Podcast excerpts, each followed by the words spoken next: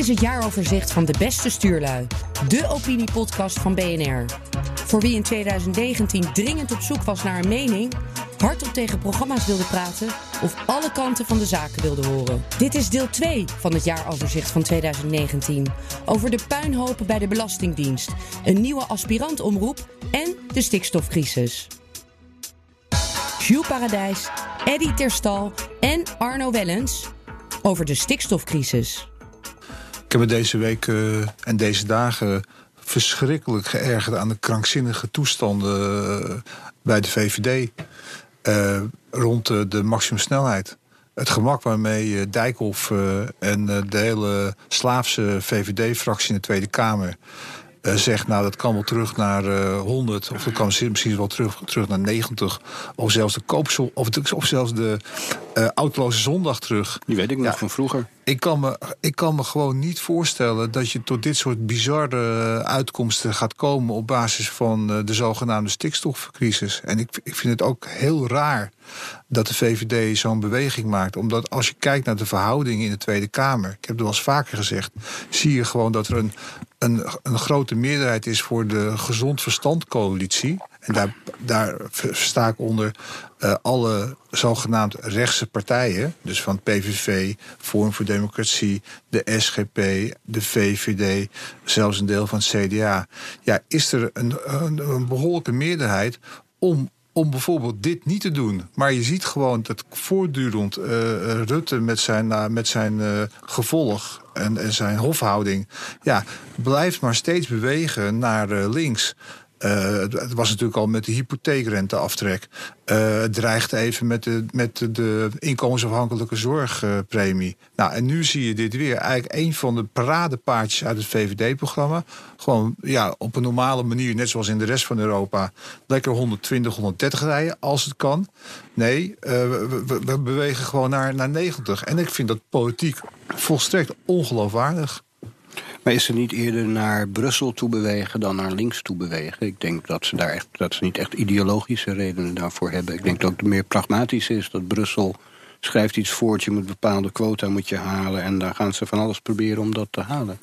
Nou, ook, al, ook, al, is het niet per se eh, beter voor het milieu in alle gevallen. Er ligt een soort rekensommetje aan ten grondslag. Van als we dit nu doen op korte termijn, dan kunnen we werkgelegenheid uh, in de bouw kunnen we redden. Dat is natuurlijk het, uh, dat is politiek natuurlijk heel handig. Want, want wie is er tegen? Wie, wie wil iemand uh, de werkloosheid injagen? En dat spreekt uh, ongetwijfeld sommige VVD'ers oh, ja. ook aan. Maar het is natuurlijk een drogreden. Want ja, het, het punt is ze zullen zeggen ook, ja, het is een tijdelijke maatregel. Maar het is zo bizar. Waarom zouden wij in Nederland teruggaan naar... Meestal kunnen we trouwens niet eens harder rijden 100... maar waarom zouden we nou bijvoorbeeld straks om nu of 8, 9... en je rijdt over de Veluwe... of je rijdt ergens eh, in het noorden van het land... waarom, waarom zou je niet gewoon 130 km per uur kunnen rijden? Of 140 km per uur? Of 150 kilometer per uur. Ja, maar dan komt het rekensommetje niet meer uit. Het, het lastige is gewoon dat de Haagse politiek uh, wel datgene is hè, waar wij het meest op gefocust zijn. Dat trekt het meeste aandacht. Maar eigenlijk de, de meeste beslissingen die de mensen het meest direct aangaan, die worden toch of in Brussel of lokaal genomen. Dus dat, dat, dat, dat noopt de, de, de landelijke fracties toe om, om ja, vaak in rare uh, spagaten uh, terecht te komen. Ja. En dat maakt het, uh, ja, daarom is het vaak, sommige dingen lijken daardoor uh, redelijk irrationeel. Maar ik denk toch eerlijk gezegd, als je kijkt naar de gemiddelde doorsnee Nederlander, dat, dat, je hebt het zelf over een rekensommetje. Mm -hmm. dat, het is zo weinig tastbaar. Mensen snappen er echt helemaal, echt helemaal niets van. Als het gaat over de, de, de, de, de, de stikstof uh, uh, en, al, en de vervuiling van de grond, die niet eens slecht is voor je gezondheid. Uh, het zijn allemaal eigenlijk ja, zijn het fabels? Zijn het sprookjes? Uh, ik kan het niet we controleren, weten, maar we weten het allemaal niet. met mijn gezond verstand, maar mijn gezond verstand zegt dat, dat, dat wat hier gebeurt, dat dat een zeg maar ergens een soort theorie of een tekentafel uh, operatie is, uh, die, die ik in ieder geval niet kan volgen. Nee, dat, dat is, ik, ik begrijp, ik volg jou helemaal als je zegt ik kan het niet volgen. We hebben het hier de vorige keer natuurlijk ook over gehad. Ik heb hier laatst ook nog een column over opgenomen bij Café Weltschmerz. En ik heb gezegd de stikstofcrisis en wat wij onszelf aandoen. Dat heeft niets met het milieu te maken. Het is schadelijk voor het milieu wat wij nu doen. En het is een, het is een psychosomatische klacht. Mensen die nu zeggen, je moet de snelheid verlagen, je moet de bouw stilleggen, weet ik wat. terwijl de woningnood is. Die mensen die zijn echt knettergek. En dat is niet aardig om dat te zeggen. Maar Rob Jetten en Jesse Klaver, jullie zijn niet goed bij je hoofd. Want Nederland is goed bezig om de stikstofuitstoot, het gaat niet om stikstof, maar het gaat om stikstofverbindingen, om die te laten dalen. Dus in samenwerking met de, de industrie, met de boeren, met de wetenschap zijn we erin geslaagd om de uitstoot van stikstof vanaf 1990 met de helft te laten dalen. Dus Nederland was al hartstikke goed bezig. En waarom is er nu een stikstofcrisis? En uh, dat ligt dus niet in de natuurlijke staat der dingen. Het is niet zo dat de hertendood neervallen. Hier hebben het al over gehad. Het komt omdat één beroepsprovocateur, Johan Vollebroek heet hij. Dat is een meneer die het leuk vindt om gewoon te treiteren. En uh, allemaal procedures te starten, gewoon om te zieken. Hij had een specifiek kippenbedrijf op het oog. Die wilde die kapot maken. Dat is de VOF van Diepen uit uh, het Zomeren. Dat ligt in de buurt van Eindhoven. Hij wilde dat specifieke bedrijf kapot maken. En de enige manier die hij nog zag... was een procedure bij het Europees Hof van Justitie beginnen... tegen de, überhaupt de manier waarop vergunningen worden uitgegeven. Dat is waarom wij nu een stikstofcrisis hebben. Omdat deze ene meneer, deze meneer Vollebroek... die vindt het gewoon leuk om te zieken. Het is dus niet zo dat in 2019 wij ineens ontdekken... dat we veel te veel stikstof uitstoten of iets. Dat is niet waar. He, dus als meneer Vollebroek, als die op mindfulness retraite was gegaan naar Bali... en hij had twee jaar later een willekeurig bedrijf gepakt... want hij wil gewoon een willekeurig bedrijf kapot maken... Mhm. dan hadden we twee jaar later een stikstofcrisis gehad. Dus het feit dat wij die stikstofcrisis hebben... dat is omdat wij politici hebben die echt niet goed bij hun hoofd zijn...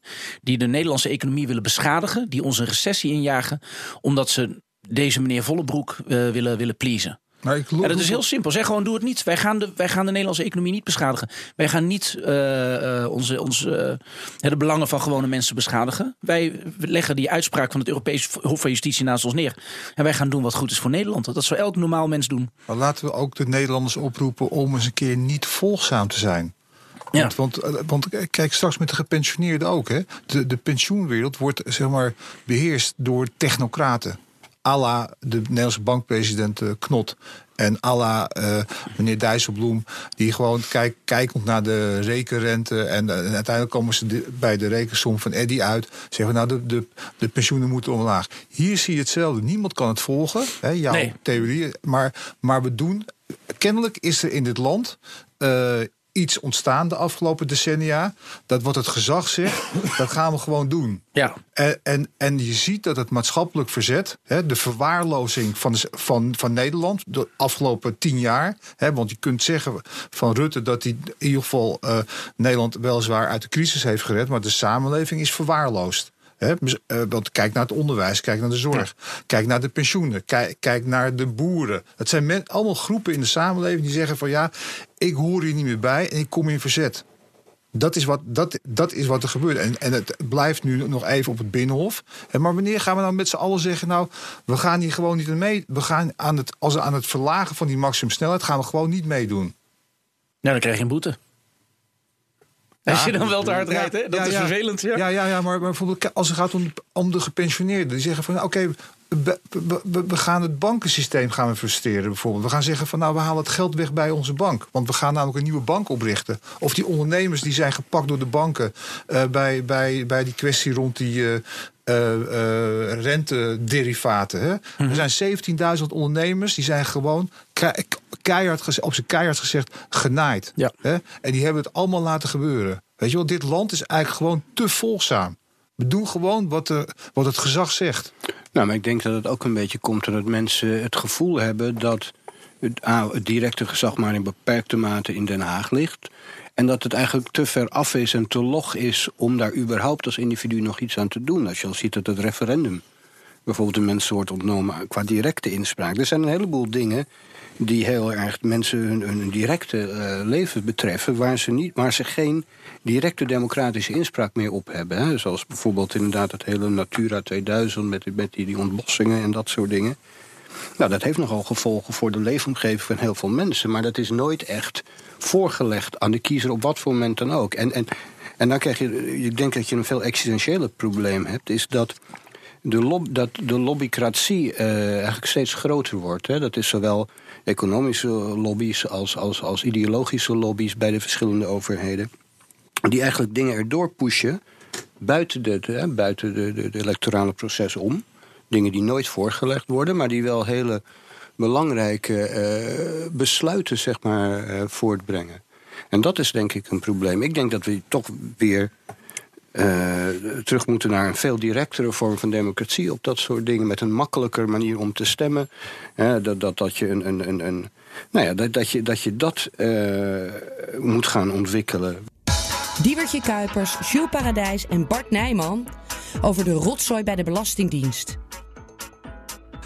ben uh, verbouwereerd uh, van wat er bij de Belastingdienst aan de gang is. En niet alleen de, de, laatste weken, maanden, maar de laatste jaren. En wat er afgelopen week bekend is geworden door de commissie Donner... dat er misschien wel 9000 gezinnen door de Belastingdienst zijn opgejaagd... vanwege de toeslagen voor de, kinderbij, voor de, voor de kinderopvang. deze mensen zijn zwaar onder druk gezet. Ze hebben rechtszaken aan de broek gekregen. Er is eigenlijk ook gescand op basis van nationaliteit. Alles wat fout is, is daar fout gegaan. Is ook vastgesteld door de commissie Donner. Het is één grote. nou, puinhoop is misschien niet eens het goede woord. Het is eigenlijk iets wat je niet verwacht van een van een zeg maar, overheidslichaam. wat zuiver op de graad moet zijn. Het is eigenlijk de ruggengraat ruggengraat van de overheid, want daar moet eigenlijk alles van betaald worden. En dan verwacht je niet dat zelfs tot, in de ambtelijke top er toestemming is gegeven om met dit soort praktijken aan de gang te gaan. En het is niet de eerste keer. Uh, in dit geval is Menno Snel, dat is de staatssecretaris uh, belastingen, afkomstig van D66, een, ja, iemand die mild wordt beoordeeld door de politiek. Iedereen vindt het een aardige vent. Tegelijkertijd zit hij daar ook alweer twee, ruim twee, twee jaar, dus ook verantwoordelijk uh, daarvoor zat natuurlijk onze grote VVD-kampioen Wiebes, die overal echt een puinhoop van maakt, zat er. En als je kijkt naar de dossiers, uh, bijvoorbeeld, er was een, het was een puinhoop rond de erfbelasting. We hebben natuurlijk de hele kwestie gehad van het tijdelijk werk, wat de reorganisatie van de Belastingdienst, wat helemaal op een enorme chaos is uitgelopen. En dan nu dit. Zeer kwaadaardig. En, en de schattingen lopen nu op dat 9000 gezinnen zijn getroffen. Mensen die hun huis uit moesten niet meer konden betalen. Mensen die uh, zijn, zijn gestopt met werken. Mensen die angstig thuis hebben gezeten. Omdat ze, omdat ze verwachten dat de belasting, uh, nog verder, belastingdienst nog verder zou gaan onderzoeken. Het, en het kan gewoon absoluut niet. En ik vind dat de Kamer eigenlijk ja, gewoon moet ingrijpen. En moet zorgen dat ja, eigenlijk moet snel, heel snel weg. Dat is eigenlijk mijn conclusie. Ja, dit is een duidelijk voorbeeld van een overheid die burgers tegen een veel kritischer licht houdt dan zichzelf. En dat zie je vaker in diverse dossiers en ministeries. Uh, dat, dat de overheid nogal mild is voor zijn eigen handelen. En mensen die het handelen binnen de overheid proberen aan de kaak te stellen. eerder straf zullen krijgen dan degene die daadwerkelijk verkeerd handelen. En dit is daar wel een, een, een, eh, een, een steeds tragischer wordend voorbeeld van, inderdaad. Waar iedere keer opnieuw nieuwe namen, nieuwe situaties. nieuwe toeslagdossiers die op een steeds hoger niveau. Uh, van ambtenaren die er weet van hadden. en toch inderdaad doorgingen met die verhalen. Uh, zonder dat er enig zicht is op herstel daarvan. En ook veel te weinig inderdaad uh, introspectie vanuit de overheid. Van ja, wij doen het verkeerd. En zeker in het geval van de Belastingdienst heel erg. Omdat ze, uh, ze houden zichzelf gewoon niet aan hun eigen wetten. En juist, ik bedoel, maak maar eens 10 cent minder over. Dat is heel flauw om dat te zeggen misschien. Maar probeer het maar eens. En je wordt tot in de poorten van de hel met blauwe enveloppen bestookt. En andersom uh, hebben ze gewoon een vinkje achter namen gezet bij mensen en gezegd van ja, maakt niet uit wat ze gedaan hebben of ze het gedaan hebben, ze zullen betalen. En maar het gaat toch verder dan dat, hè? Want hier, hier gaat het ook over gewoon, nou ja, ambtenaren kunnen niet zomaar strafrechtelijk vervolgd worden. Uh, maar als een van ons bijvoorbeeld inderdaad mijn eetplicht, wat bijvoorbeeld de landsadvocaat wel heeft gedaan, hè, terwijl ze dus al wisten dat ze ernaast zaten, alsnog voor de rechter gewoon mijn eet uh, plegen. Zoals Pieter Klein ook had onthuld afgelopen week. Ja, dat gaat vrij ver. Want dat betekent eigenlijk dat we een overheid hebben die liever um, feiten begaat die in het civiele leven strafbaar zijn. Uh, zoals rommelen met dossiers inderdaad. Of gewoon liegen uh, uh, als ze de waarheid moeten vertellen. Um, dat ze dat liever dat doen dan toegeven dat ze een fout hebben gemaakt. En dus zeggen van we gaan het corrigeren. Dus blijkbaar is het toegeven van een fout voor onze overheid zo erg dat ze tot dit soort maatregelen omgaan. En dat is dus inderdaad een overheid die niet aan te spreken is op fouten. En daarom ben ik wel inderdaad met, met Schulz ook eens. Want het is echt belangrijk dat de Tweede Kamer hier nu ook ingrijpt. Want dit is gewoon onvergeeflijk wat hier gebeurd Ja, is. maar ook als je bijvoorbeeld, eh, kijk, je zult zelf maar zijn, hè, en je wordt dus op de korrel genomen, zonder hoor en wederhoor, eh word je afgesneden van, van, een, van een toeslagenstroom. Dan kun je natuurlijk denken van ja, waarom eh, hebben wij zoveel toeslagen in Nederland? Dat is natuurlijk ook een soort, soort gewoonte geworden waarbij de uitvoering natuurlijk één grote ellendebakken wordt. Want over- overal heb je ongeveer toeslagen voor. Maar goed, je zal zelf zijn en je, je wordt getroffen hierdoor. Je kunt eigenlijk helemaal niets. Je wordt gewoon meteen gepakt en je wordt eigenlijk ook eh, eh, eh, ja, bestempeld tot fraudeur. Dat is eigenlijk wat er gebeurt. Tegen die almachtige overheid. En probeer de overheid maar eens te bellen. Eh, eh, de problemen bij de belastingtelefoon zijn de afgelopen jaren ook legio geweest. Ja, Eh, om, maar, om, maar, om, maar, om maar een Het voorbeeld te bouwt noemen. inderdaad allemaal op bestaande software- en, en technologieproblemen... die met de overheid een beetje aan de haal zijn gegaan. Ze kunnen gewoon hun eigen machine niet meer... ze hebben hun eigen beest niet meer onder controle, zeg maar. En iedere keer blijkt onder die dossiers te liggen... dat, gewoon dat systemen niet werken, dat mensen dan maar handmatig gaan corrigeren... dat er verkeerde correcties gedaan worden... die vervolgens wel weer in een systeem als een soort van de norm worden neergezet. En daar, aan het einde daarvan zitten, zitten burgers, zitten echte mensen... met echte financiële situaties... die echt in de financiële knoei kunnen komen... als de overheid dit soort fouten maakt. En inderdaad, wat Diewertje zegt... als de overheid dan vervolgens zijn eigen fouten niet herstelt... of daar niet op aan te spreken is... inderdaad er geen centraal nummer is om de Belastingdienst te bellen... van jongens, er is hier een fout gemaakt. Ja, waar moet je dan nog heen? En degene die dat, want ook zo'n Donner... dan wordt het, het is goed dat ze het onderzoeken... maar ook Donner komt natuurlijk zelf ook uit die kliek. Die komt vanuit de politiek om de politiek te onderzoeken. En dat is, zie je ook steeds, dat de slager heel vaak zijn eigen vlees mag keuren. Er wordt nooit eens echt iemand van buiten ingevlogen om te zeggen... we gaan het Ja, maar dat is ook heel fijn. Want we zijn in Nederland er ook heel goed in om verantwoordelijkheden op te knippen, te verkokeren in allemaal losse eilandjes. Want als je iedereen een beetje verantwoordelijk maakt voor alles bent, is uiteindelijk niemand echt verantwoordelijk te houden voor iets als het misgaat. Ehm, dus dat is voor hè, het verspreiden van politieke, ti- politieke verantwoordelijkheid of juist het ontlopen daarvan, is dat heel handig.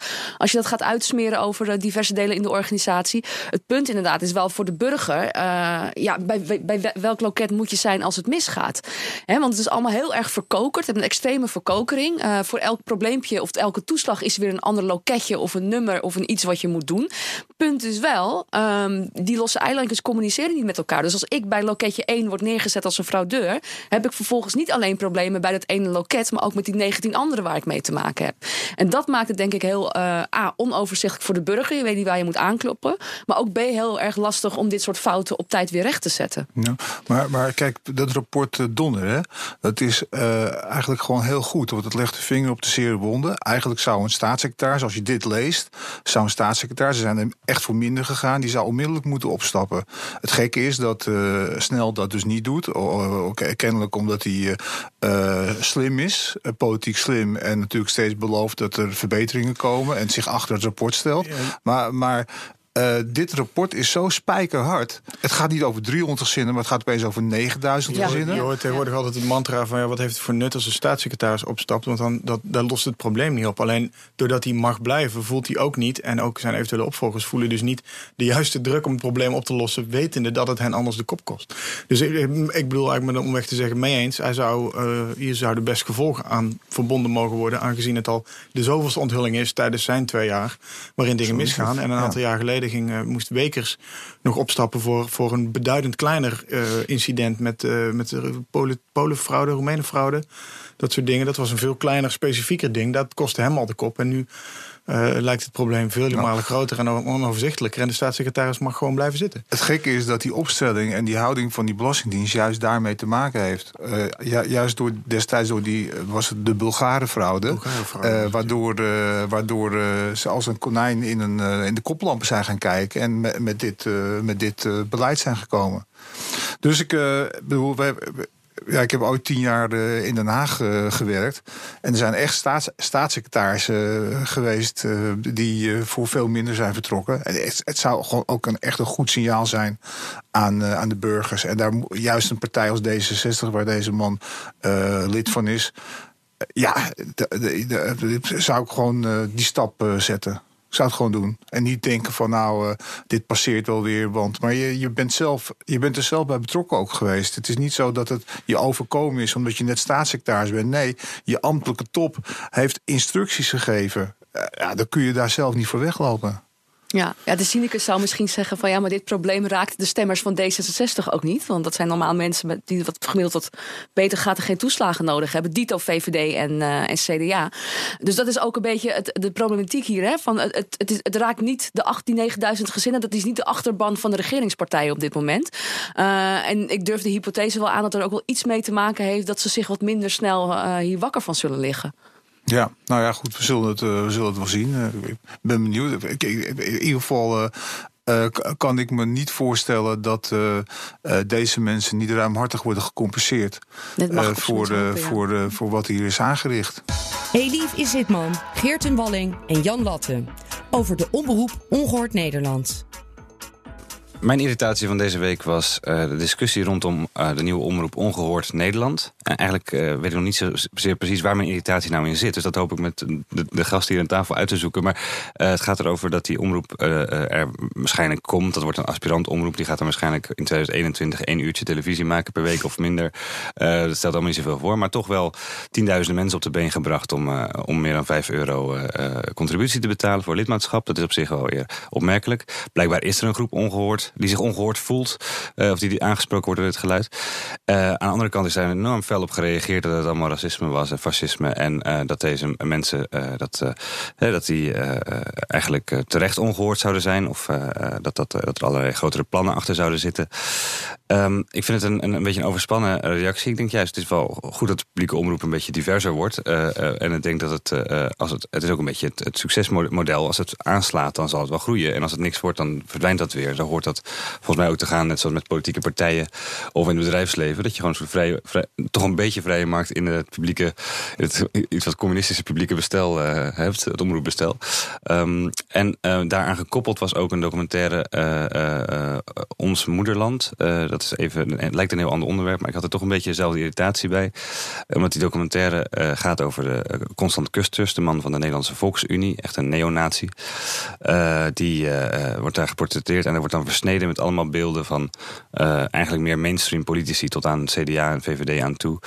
Um, uh, die eigenlijk uh, praten over het volkslied dat het belangrijk is, of nationale identiteit en dat soort dingen. Sinterklaas, Zwarte Piet. Um, en dan dacht ik van dit is wel een typische voorbeeld. Als je zo'n documentaire ziet, er wordt alles over in kamp geschoren. Alles rechts van het midden uh, wordt daar eigenlijk in de, in de neonatiehoek geduwd. Wordt met elkaar geassocieerd. Ja, als je dat als omroep produceert, zo'n uh, uh, documentaire, als je het ook uitzendt, dan kan je toch wel verwachten dat bepaalde mensen zich erg hierdoor niet gerepresenteerd voelen en ongehoord voelen. Dus toen ben ik eigenlijk wel meer sympathie gaan krijgen voor iets als een ongehoord Nederland. Ja. Uh, oké. Ten eerste even inhakend op uh, wat je zegt over ongehoord Nederland. Ik, uh, ik snap waarom die omroep in, in de eerste fase zoveel mensen aantrekt. Um, wat ik wel denk is dat uh, het, het label ongehoord is heel heterogeen in Nederland. En ik denk dat, dat die omroep ook uiteindelijk gaat opbreken. Je zag het al een beetje afgelopen week toen uh, uh, Hij van der Heijden eruit werd gezet vanwege zijn mening dat je holocaustontkenners een platform moest bieden. Ja. op een gegeven moment ga je tegen grenzen aanlopen, dan hoe ongehoord je ook bent. Je hebt alsnog een soort principes van oké, okay, dit gaat te ver, dit gaat niet te ver. En ik denk dat het voor die omroep heel lastig wordt om al die dingen met elkaar te verenigen in één ding, wat dan een omroep uh, is, zonder dat uh, iemand daar aanstoot aan iemand intern daar aanstoot aan neemt. Dus ik, uh, het initiatief begrijp ik. Ik begrijp ook heel goed waarom dat nu uh, zoveel, vooral met steun van PVV en Forum, zoveel steun genereert. Ja. Alleen ik denk dat, dat, ik denk dat ze de fase van echte omroep niet eens gaan halen op deze manier. Als er nu in de, in de eerste weken al, al scheurtjes beginnen te komen in, het, in de groep initiatiefnemers, dan. Ja, daar heb ik ook weinig fiducie in. Ook in de mensen die het organiseren hoor, dat ze dat kunnen. Maar gaat ja, puur, mij ging het even puur om de, de, de bestaansrecht van zoiets en de, en de reacties daarop als er iets zoiets geprobeerd wordt. Waarbij je ook al mm. toch wel bewondering kunt opbrengen voor het feit dat ze, dat ze wel uh, tot nu toe in ieder geval iets hebben neergezet. Ja. Uh, ja, ik heb er inderdaad weinig, weinig vertrouwen in dat het ook echt een, een duurzame grote omroep zou worden. Maar... Ja, ik denk dat er best wel wat voor, voor te zeggen valt om te zeggen: we willen een omroep die het nog rechtser is, of nou nog rechtser, rechtser dan wat we al hebben. Dat kan ik me heel goed voorstellen. Alleen de definitie ongehoord vind ik, um, ik snap hem. Alleen ik denk dat heel veel mensen die zich met die definitie identificeren, zich niet per se identificeren als heel rechts. En dat is wel het imago wat die omroep tot nu toe opwekt. Ja. Maar ik vind de, de, de term rechts, dus, ik vroeg me ook af welke mensen zijn dat dan? Wie zijn dan ongehoord en waarom? En, en dan denk ik, ja, als je, als je toch nadenkt in Nederland, je hebt toch een hele laag ontwikkelde mensen die kunnen schrijven. En die schrijven hun eigen kranten. Ja, dus van Trouw tot NRC tot Financieel Dagblad. Mhm.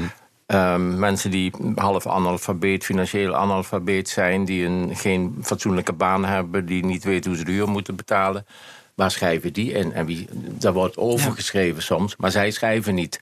En in die zin dacht ik, dat is een heel groot publiek... die voelt zich ongehoord. Ze mogen van alles niks meer. Ze moeten van alles veranderen. Dan moeten ze ineens in Den Haag bijvoorbeeld wordt bedacht door D66 dat er dan geen vlees mag worden gegeten. Eén keer de maand moet er dan groen. Mensen denken, waarom moet ik dat doen? En niemand luistert naar ze. Uh, um, de, schrijvende, de schrijvende pers, dat zijn hoogontwikkelde mensen die leven in de bovenlaag. Die anderen, die hebben alleen het voetbalblaadje of, of uh, Dirk s'avonds. Daar kunnen, ja. kunnen, maar, maar hun stem, daar wordt lachwekkend over gedaan. Ja. En in die zin is er een hele grote groep ongehoord. Um, dat vind ik eigenlijk schandalig. Laat ik zo zeggen. In die zin vind, ik het, snap ik het initiatief, maar wat jij zegt is ook overleven niet. Ben ik bang voor dat dat niet gaat lukken. Ik, ik gun het wel, omdat ik vind, het is een beetje de beweging, je, de vrevel in de samenleving. Wij zijn niet gehoord. Een hele substantiële groep die zich ook wil manifesteren, die wil ook meedoen. Maar denk dat, dat, niet. Dat is, dat is zeker, maar dit denk ik wel even weer eh, wat kritischer daarover denkend van we hebben WNL, uh, uh, daar werk jij, Elif. Uh, misschien heb jij ook nog insight informatie over hoe er gekeken wordt bij WNL naar, naar deze nieuwe omroep. Maar um, is dat een concurrent die, die daar verschijnt? Of, maar in ieder geval, WNL probeert dat, die stem ook denk ik wel te geven. Ja. Als ik een beetje zo zie wat voor programma's ze maken. Ja. Um, lukt dat dan onvoldoende? Of zijn, en, en, en kun je echt wel bereiken dat deze groep überhaupt zich ooit wel gehoord voelt? Of blijft hij zich structureel ongehoord voelen, ook als hij wel gehoord wordt? Uh, nou ja, ik denk dat uh, als je afgaat op wat uh, meneer Latte zegt over um, dat, dat je vooral bericht over mensen of schrijft over mensen, uh, programma maakt over mensen zonder dat ze er zelf aan meewerken, dan denk ik dat je dat altijd gaat hebben, ook als je omroep ongehoord bent. Ja. tenzij je het laat samenstellen door die mensen. Maar ik weet niet of die mensen überhaupt tijd hebben of er toe in staat zijn om dat te doen. Uh, en ik denk dat die kloof er wel altijd zal zijn. Omdat het gewoon inherent is aan de media. Dat dat inderdaad mensen zijn met een vrij, meestal vrij hoge opleiding. Die inderdaad wel kunnen proberen om uh, bepaalde mensen te vertegenwoordigen. Maar zolang die mensen inderdaad er niet zelf bij worden betrokken, dan wordt dat een heel lastig verhaal. Dat, dat is, ja, ze wonen ook in de Randstad natuurlijk vaak, die journalisten. Ja, ook dat. echt een randstedelijk perspectief op de dingen. Ja. Maar heeft het ook niet een beetje een associatie? Ik denk, ik associeer het met de gele hesjesbeweging in Frankrijk. Het is een permanente onderstroom die niet overgaat van ontevredenheid. En of dat nou zich uit in demonstraties of in zo'n nieuwe omroep... het is dezelfde ontevredenheid, denk ik, van een mhm. substantiële groep in de samenleving. En ik heb het idee, in plaats dat dit gehoord wordt... en dan misschien uh, ingebouwd in het systeem, ja. wordt, worden de hakken in het zand en weggeduwd uit het systeem. En dat maakt het alleen maar erger. Ja. Het gaat niet over. Ja. Dat denk ik, als ik het zo beoordeel. Eens. En ik denk ook dat wat jij, Geert, net benoemde over die documentaire over kusters, dat dan inderdaad dingen als de Zwarte Piet of andere tradities op de hoop van rechts of extreem rechts worden gegooid. Of in ieder geval daar een associatie mee wordt gecreëerd. Dat dat ook niet helpt. Want mensen voelen zich inderdaad gewoon aan alle kanten bestolen. Van ze mogen inderdaad van D66 mogen ze geen vlees meer eten. Ze mogen niet meer in een auto rijden. Ze mogen geen dieselauto's meer hebben. Iedereen moet, moet zeg maar gelijke kansen en genderneutraal en al die dingen. Ze mogen geen bemanning meer zeggen als het over de politie nee, gaat. Ja. Het, is, het is denk ik ook wel heel erg veel in één keer. Uh, en ja, ik, ik, denk dat de framing vanuit de publieke omroep, daar, daar, heeft, uh, daar heeft Ongehoord Nederland echt absoluut een punt. Dat de framing wel inderdaad heel vaak is van alles wat enigszins vaderlandslievend is, is rechts of eng of dubieus. En dat is, ja, dat, dat is natuurlijk niet zo. Want mensen die met Zwarte Piet Sinterklaas vieren zijn over het algemeen geen extreemrechtse naties. Um, en zo worden ze wel vaak neergezet. En Nee, dat klopt. is Het is echt weer dat eh, heel makkelijke associatie, guilt by association Ja. eh, tactiek die je ook eh, vaak ziet van. Kijk, en dit is ook wel, er zit ook wel een gevaar. Je ziet ook dat mensen van Erkenbrand of andere, van die alt-right clubjes bijvoorbeeld ook wel verschijnen bij bijeenkomsten van Forum voor Democratie. Eh, daar zijn ze bij die partij volgens mij heel bang voor en zijn ze, heel, zijn ze tegenwoordig heel waakzaam op. Maar die kun je toch niet helemaal overal uitfilteren. Nee. Ehm, en, eh, zeker als er nieuwe initiatieven zijn, eh, zoals dit nu, dan zijn er allerlei eh, opportunisten die zich bij aansluiten en die misschien wel wat radicale trekjes hebben, die je niet van tevoren kunt doorzien. Dus, Net zoals net zoals bij politieke partijen. Je hebt je hebt gewoon heel veel kaf tussen het koren, zou ik maar zeggen. En dat, als je een oudere omroep bent of een oudere partij, dan heb je het allemaal uitgefilterd. En dat is dat wel een gevaar. Ehm, maar tegelijkertijd is de, de, associatie van ja, om, omdat eh, toevallig eh, Buma, eh, de voormalige leider van de CDA, het een mooi idee vond om het volkslied meer op school te onderwijzen. Eh, er wordt er, en dan wordt er een, daarnaast, na, meteen naast een fragment gezet waarin Kusters ongeveer zegt dat hij wil dat elke dag kinderen gaan staan bij de vlag en, eh, en, en het volkslied zingen. Ja, dat is natuurlijk wel echt een, een Ja, frame. Het is alleen maar emotionele framing en Precies. niet, Ja. niet nadenken wat ook. zou het Ja. indirecte effect zijn van een dagelijks iets. Je zou zelfs kunnen redeneren. Ik denk dat de beslissingspsycholoog zou zeggen: het is een moment van reflectie, van rust geven. Dan word je een beetje zen van die kinderen. Het zou kunnen. Hè? Waarom niet in die zin kun je het ook inframen? Dus het is eh, volledig onterecht. Het heeft allerlei functies en ik denk dat het best positieve functies kan hebben. Het geeft een, een gevoel van verbondenheid en dat is positief verbondenheid. Dan kunt voor iedereen die er is, alle kleuren en alle, alle eh, eh, etnische herkomst. Nou, laat ze volk niet samen zingen. Wat is er nou leuker dan dat? Waarom is alleen het Songfestival ineens leuk? Dat kan toch met een volkslied? Ik bedoel, dat kun je allemaal relativeren. Dit Ja. soort dingen. Maar dat wordt dan heel emotioneel, bam, als één manier neergezet. En, nou ja, van de ene kant denk ik met, dat- met een ongeheel Nederland lekker... blijft een beetje dynamiek in de samenleving. Dat moet zo blijven. Want anders krijgen we een totalitair regime. Dus in die zin ben ik er wel blij mee. Eddie Terstal, Siep Winia en Arno Wellens over collectieve waanzin in Nederland en het klimaatdebat. Eh, mijn slagzin van de week die luidt: zijn we gek geworden met z'n allen? Dat heeft ook een beetje. We we zijn in december 2019. Het slaat ook een beetje terugblikkend op de laatste maanden, de laatste weken. Eh, en ik eh, verzin het niet helemaal zelf. Ik hoor het steeds vaker roepen om me heen. Eh, en soms ook eh, her en der via media. Zijn we helemaal gek geworden met z'n allen. Dus er gebeuren zoveel dingen in politiek en samenleving. Zeker ook in de politiek. Dingen die je paradoxen zou kunnen noemen. Of gekkigheden. Om een klein voorbeeld te noemen. Nou, een groot voorbeeld eigenlijk. De collectieve sector bestaat grotendeels uit het onderwijs en gezondheidszorg en politie, veiligheid. Nou, eh, zien wij dat de scholen gaan dicht omdat er geen personeel is. Eh, ziekenhuisafdelingen gaan dicht omdat er geen personeel is. Eh, politiebureaus gaan dicht om god maar weet wat voor reden. Misschien ook wel omdat er te weinig politieagenten zijn. En tegelijkertijd zijn de belastingen het hoogste van de afgelopen twintig jaar. Dus er klopt iets niet. De- Waar gaan die heen? ja, dat, dat, dat, dus ze zeggen ja, nee, de, de premies voor de, voor de, de zorgpremies zijn ontzettend hoog geworden. Want de, de, de kosten van de gezondheidszorg zijn omhoog gegaan. Tegelijkertijd zien we dat die ziekenhuizen in ieder geval gedeeltelijk sluiten. Of er geen personeel is of anderszins. Wat een Dus- onverwacht linkse praat van jou. En De collectieve sector, eh Nou, eh, dat er meer geld naartoe moet. Dat, dat heb ik helemaal niet gezegd. Ik zeg dat er veel Nee, geld heen duid- gegaan is. duid even. Ja, maar dat is ja, een hele persoonlijke duiding, merk ik. Eh, ik stel vast dat we een, een premier hebben van liberale huizen, althans beweert liberale huizen, die voortdurend beweert dat de koopkracht omhoog zal gaan, dus de inkomens van burgers omhoog zullen gaan, dat de belasting naar beneden zal gaan voor de, de, de hardwerkende Nederlanders. En dat vervolgens het eindresultaat is dat de belasting omhoog is gegaan, maar dat de collectieve niet renderen. Dat die eh, onvoldoende worden bediend of niet onvoldoende functioneren. Al dan niet in relatie met dat geld. Zo zijn er tal van zaken. Want er is eh, gisteren, terwijl we hier spreken, is gisteren in Europa, in Brussel, een nieuw, of in Straatsburg was het geloof ik, een nieuw Green Deal gepresenteerd. Dat is de meest ambitieuze klimaat plannen van, van enige regio in de wereld. Eh, dus, dus ze willen nog ambitieuzer zijn dan klimaatkoploper Nederland. Waarbij eh, een van de interessante doelstellingen is dat er 100 miljard gaat naar Oost-Europa om de Polen aan het gas te helpen. Want gas is immers eh, veel schoner dan de, de andere brandstoffen. Naar de Polen aan het gas. Ik snap het, maar ik moet, je moet toch even letterlijk nemen en geen eh, historische eh, hoe het? insinuaties bijhalen. Dus de Polen aan het gas. Eh, eh, waar wij zelf een gasverbod hebben ingevoerd in Nederland. Dus de Polen krijgen subsidie via Brussel. Onze uh, bijdragen aan Brussel gaan omhoog. Want wij moeten gaan betalen voor. terwijl we hier een gasverbod hebben ingevoerd. De redenering is dat het een stap voorwaarts is vanaf kolen. Dat is de reden. Ja, maar dat is een onzinnige redenering. En trouwens, als, als aardgas deugt, dan deugt het ook in Nederland. En dan is het heel erg merkwaardig dat de PvdA, die in Nederland tegen het gas is, uh, via Frans Timmermans in Polen en elders in Oost-Europa voor meer gas zou zijn. Trouwens, de hele Europese Commissie die is al zodanig voor meer gas, die, wil, die, die is voor het aanleggen. Dat, gaat toch ook aan het gas? Of, of klinkt ook weer naar, hè? Ja, nou ja, een beetje revanchistisch. Dit, zegt misschien ook iets meer iets van jou dan ja, van is, ieder andere. Maar, uh, maar goed, in onze serie Gekkigheid kent geen tijd. We hebben uh, net de, de PFAS, er is een maatregel getroffen rond de PFAS. Een goedje dat we een paar maanden geleden nog niet kenden.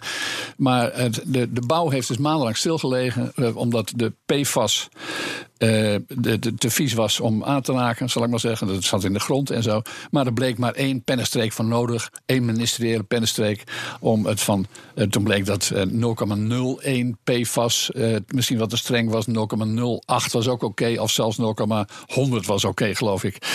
Nou ja, ik bedoel, uh, hoe ga je de economie... Je gaat dus de economie op basis van, van een puur verzonnen norm uh, platleggen. Jongens, ik heb hier zeker nog 15 van dat soort voorbeelden. Die, maar ik weet niet of we de hele podcast ermee willen vullen. Dat kan trouwens altijd nog als we uitgepraat raken. Ja, ik had vandaag ook hardop de vraag gesteld waarom bevolkingspolitiek, bijvoorbeeld het verdelen van condooms, om daar maar symbolisch iets voor te gebruiken, niet wordt meegenomen in het uh, klimaatdebat, omdat het aantal mensen, uh, inderdaad meer mensen die in, het, die in een uh, geïndustrialiseerde samenleving stoten, stoten meer uit dan mensen die het niet. Maar goed, over het algemeen kan je toch zeggen dat het niet heel verstandig is als er heel veel meer mensen bij komen. nou, dan kreeg je een hele discussie. Dat ging echt van die zwartjes fokken maar aan tot en met... ja, maar wil je soms minder Afrikanen of weet ik veel wat. Dat het gewoon een open vraag was aan de mensen... waarom dat eigenlijk heel weinig naar voren komt. Omdat je dus eigenlijk, hoe je het ook wendt of keert... op het moment dat er meer mensen komen in een land... of in een stuk wereld waar we toch allemaal uh, reëel toch naar streven... dat om allerlei redenen, en vooral human, humanitaire redenen... dat er wat meer welvaart komt. Dus dat gaat men daar ook meer uitstoten. Ook in dat geval dus lijkt mij dat het vrij bezwaarlijk is dat, al was het alleen maar voor de vrouwen, dat het bezwaarlijk is dat ze zes kinderen of zo, weet je. Zo'n vrij humane vraag. Maar dat, dat, dat leverde dus zoveel, enerzijds uh, emoties op, de linker en rechterzijde. Maar ook heel veel uh, variabelen kwamen langs. Waarvan ik denk, ja, dit is eigenlijk een discussie die wel degelijk gevoerd moet worden.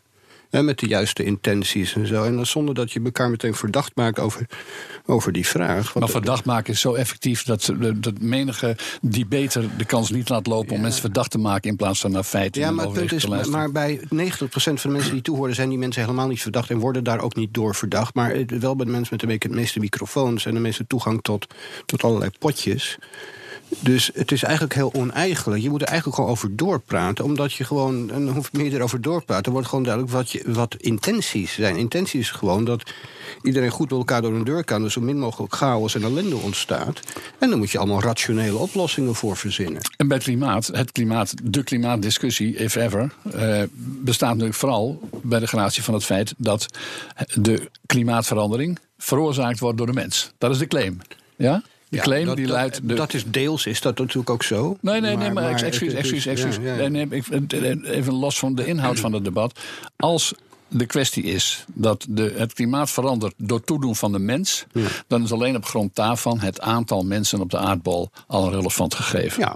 En het tweede relevante gegeven daarbij is hoeveel die mensen per persoon ja. bijdragen aan extra broeikasgassen. Dat is in geïndustrialiseerde landen natuurlijk meer. Als zeker, maar, dat betekent, maar ook, in die, maar ook om die reden is, het, is, is niet alleen het aantal mensen op de wereld van belang, ook, het, ook de plek waar ze zijn. Ja? Dus als ze van Afrika van, naar Europa gaan... Dan gaan ze hier en, meer uitstoten. Dan gaan ze hier meer uitstoten. Dus als je vreselijk begaan bent met het klimaat... en je vindt het belangrijker dan, uh, dan de, het migreren van Afrikanen naar Europa... laten we dat voorbeeld maar aanhouden... Uh, ja, dan moet je ervoor kiezen dat, uh, dat je migratie uh, dat je daar geen voorrang aan geeft. Laat ik het heel nou ja, sowieso de hele ideologie van, de, van on, ongebreidelde migratie, waarbij mensen die hier zitten dan via overmakingen moeten proberen daar de economie op, op poten te houden. Dat is een heel defetistische kijk op Afrika. En Ja. dat doet ook het, het continent ook, ook tekort. Waarom zou, de, waarom zou je daar niet proberen met handel? eh, eh, en, en, hè, Maar en zoals je weet is dat heel lang, als, het, als een van de belangrijkste redenen, een soort alternatieve ontwikkelingshulp heette dat te zijn, Ja. dat je Afrikanen laat emigreren naar Europa, eh, zodat zij dan hun eigen familie kunnen onderhouden. Nou, dat is een, een vorm van permanente bijstand Maar dat is- dat is die je helemaal niet moet willen natuurlijk. natuurlijk. Dat is totale betutteling. Dat- Neocoloniale kan het Ja. niet. Ja. Doet- het doet ook geen recht aan de mogelijkheden die er in Afrika zijn. Hè? Als je dus gewoon eens kijkt naar de ruimte, het klimaat, de, de, de mensen. Als je Klimaat is wel een op, dingetje in op dit sommige, op sommige Ja, plekken de dat is toch weer, vruchtbaarheid. de, hè, daar is die weer. ja. Ja, nou, onder de Sahara wel de vruchtbaarheid ook over het algemeen. Maar de- ja, Er zit nog een bijzonderheid overigens, want de, die, die vruchtbaarste periode, dat- eh, of het periode, de, het gebied, het, Leuke verspreking, de vruchtbare, ja. nee, nee, de, vruchtbare territoria moet ik eigenlijk zeggen. Eh, dat, zit, dat, dat, is, dat, dat, raakt een ander eh, taboe. Te weten het feit dat als je de kaart van Afrika ziet, dan zie je dat de vruchtbaarste gebieden, dus waar het hoogste aantal kindertal per vrouw is, dat begint in West-Afrika ten hoogte van Senegal en gaat dan in oostelijke richting en gaat vervolgens eh nadert dat de, de Indische Oceaan en dan gaat het, buigt het af naar het zuiden. Wat geen enkele demograaf eh, over publiceert, is dat dat precies de grens ook is van de islam en het christendom. Nou weten wij met onze- andere woorden, dan conser- weten we- conservatiever of meer richting de moderne. ik heb een andere theorie over. En die theorie luidt demografische oorlogsvoering. Wij, de- wij zijn in Nederland op dat punt deskundig. We hebben zeker in de eerste helft van de 20e eeuw... Hebben we dat, en trouwens het midden van de 20e eeuw ook meegemaakt... dat de, eh, de meneer Pastoor, die joeg de, de mama's op... om ieder jaar een kind te krijgen. Een lege wieg deugen niet. En dat maakte deel uit van het feit... dat de, de katholieken in Nederland bezig waren... vanaf het midden van de 19e eeuw... om hun positie te herwinnen en een machtspositie eh, te, te creëren. Ja, maar je ziet de het eigenlijk democratie. overal wat tribale grenzen zijn. Want het, want het werd in de Balkan, hè, van beide kanten werd het ook gepropageerd. hè. Zeker, maar, je, maar dat, je kunt het tribaal noemen, dat is religieus gewoon. Ja. Ja? Ja, Eh, we, hebben in 1994 de, de, de Wereldbevolkingsconferentie gehad in Cairo. En tot verbijstering van menig verstandig mens bleek dat daar plotseling de islamitische leiders een deal hadden gemaakt met de, met de Vaticaan. Want allebei waren ze erover eens. Er moesten meer mensen Meer komen, dat wil zeggen meer islamieten komen, dan wel meer, meer katholieken komen. En dus moesten het, eh, dus alles wat gericht was op inperking van de bevolking, werd daar verboden door deze conctie van de islamleiders en het Vaticaan. En, en dus eh, ze wilden hun, hun strijdmiddelen niet opgeven, komen daar op neer. Maar ondertussen zitten dus in hele stukken van Afrika, eh, worden eh, zowel aan de christelijke kant als aan de, aan de, aan de eh, moslimkant eh, mensen opgejuind om dat kindertal maar hoog te houden. Dat is een van de, een van de, de, verklaringen die zelden worden ja, maar- genoemd maar- voor maar- het feit maar dat juist het geboortecijfer daar zo hoog blijft. Ja. Ondanks het feit dat, laten we zeggen, dat heet dan demografische transitie. De reden is om aan te nemen dat het eigenlijk nog minder zou gaan moeten, moeten worden. Ja, en dat is heel vervelend als je de. mm, Als, je- want dan kun je, je kunt nu verwachten wat er gaat komen. Hè. Wel interessant, we hebben nu de oorlog in Syrië. Al in ongeveer 1930, je kan dat helemaal terugzoeken. Er waren er, toen was nog koloniaal, werd het koloniaal overheerst. Maar er waren de wetenschappers die zeiden: ja, dit land, de, de, het grondwater kan niet meer dan 5 miljoen mensen voeden. Dus als je er overheen gaat, dan krijg je de situatie dat, dat je grondwater onttrekt. En dan gaan mensen op een gegeven moment raken ze op drift. Dan gaan ze naar de steden, wat je zegt. En dan hebben ze daar te maken met werkloosheid en ontevredenheid. En dan krijg je oorlog. Dat kun je gewoon zien komen. En eh, dat, daar werd in 1930 al voor gewaarschuwd. Toen er nog 5 miljoen Syriërs waren. En die zijn er 23, althans ja, waren er vijf voor keer de oorlog. ja, daar zijn het eens vijf keer zoveel. Nou, dan worden je problemen alleen maar erger en die stapelen zich ook op. Als Nigeria naar een paar honderd miljoen mensen gaat, dat is een, dat is een tijdbom van je welste. Dat wordt een afschuwelijke oorlog. Sterker nog, En dat- oorlog en is lang begonnen. hè? En er, er wordt al gevochten. Ja, er zijn al allerlei spanningen. En daar kunnen we, dat gaan we deze eeuw, dat gaan we ehm, helaas meemaken. Dat, ik, ik weet ook niet wat wij daaraan kunnen doen. Inderdaad, als je zegt het. De, Nou, Nigeria in die heeft bevolkingspolitiek moet je, moet de- de- de dat, dat, is wel wat we niet noemen, inderdaad. Van, het, het is iets waar wij het niet over willen hebben. Inderdaad, die Nou, dat is bevolkingspolitiek. Het is niet altijd zo geweest. Dat, dat, dat, dat heeft een interessante ontwikkeling doorgemaakt de afgelopen halve eeuw. Je moet je voorstellen dat in de jaren 70 en 80 het voorkomen vanzelfsprekend was. Ook voor de VN en zo. Dat was een apolitiek gegeven.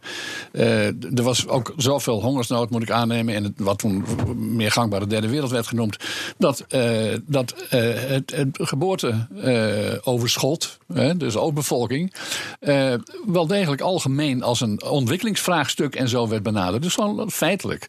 Alleen. Het, het was ook een stokpaardje van links, hè, met name. Zeker. Zong hardop. Nou ja, wat, wie, zong, zong hardop, zeg maar, op de toon van Ajax wint de Wereldcup. Zongen ze, de paus die is een moordenaar. Ja. En dat was dan omdat hij condooms in de derde wereld eh, tegenhield. Eh, zeker. Maar ja, dat was, eh, eh, laten we niet vergeten, dat was onderdeel van, van de bevolkingspolitiek die we in de jaren 30, 40, 50 hadden. De, de KVP, de Katholieke Volkspartij, ook de uitvinder was van de hoge kinderbijslag en zo. Dus, maar goed, in ieder geval, het was rond 1970 liep de, de nieuwe partij, de nieuwe lichterpartij D66 voorop in overbevolking en eh, de geboorteoverschotten en zo te zien als het probleem van milieu, klimaat en god men weet wat dat allemaal. kappen ze nu af bij de ouderen? Ja, En dat is, ja, ja, dat is buitengewoon treurig om te zien dat, eh, dat, als je, dat, dat, eh, dat, dat de studentenaanhang van D66 nu vindt dat, dat hun, de, wat het? De, de, de beurzen omhoog moeten. en dat kan best door de gezondheidszorg wat aan te passen eigenlijk. Ja, voor de armen. Maar, maar zeker is het, dus in de jaren eh 70 en 80 was het eigenlijk onomstreden. Totdat er in de derde wereld, eh, eh, en de kerken dus, en de islam, daar een soort van, ja, maar dat is eigenlijk racisme.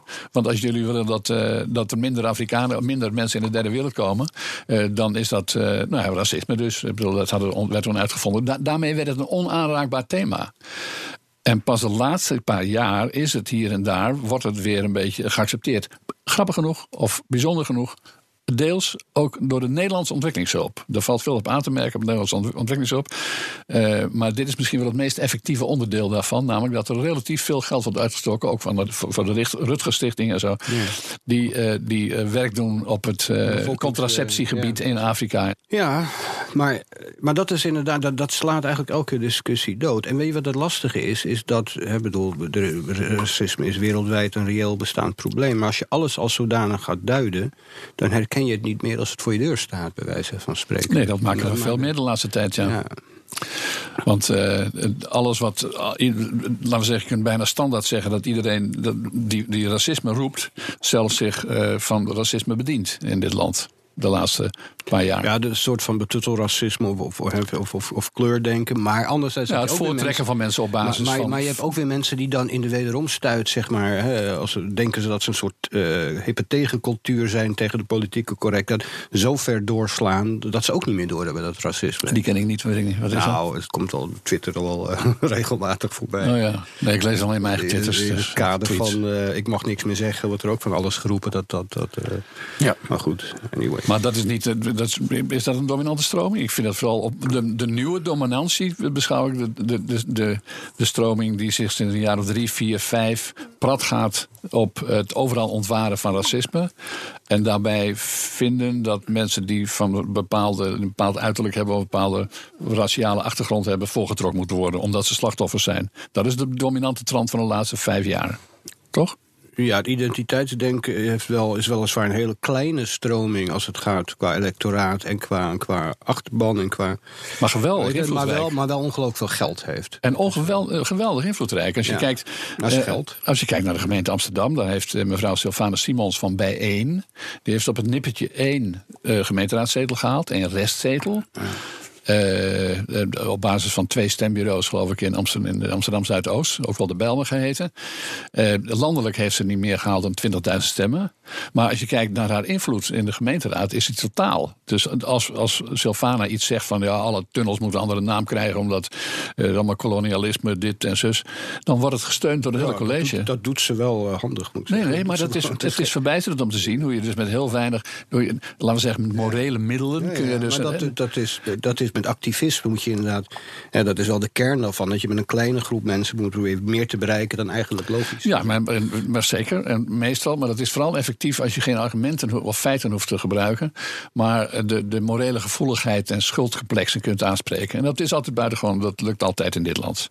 En in Amsterdam misschien nog makkelijker dan Ja, de, anders. me- de meeste mensen inderdaad uit de, uit de hè, bedoel, je hebt links inderdaad wat meer uit de seculier stedelijke hoek, die zijn ook wel iets rationeler.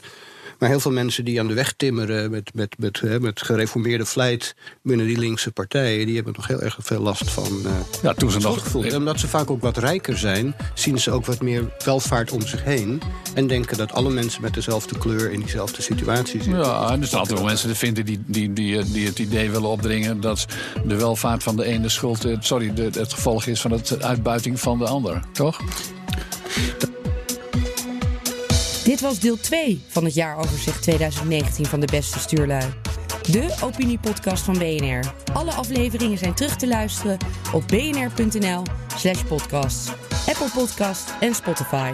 Tot volgend jaar!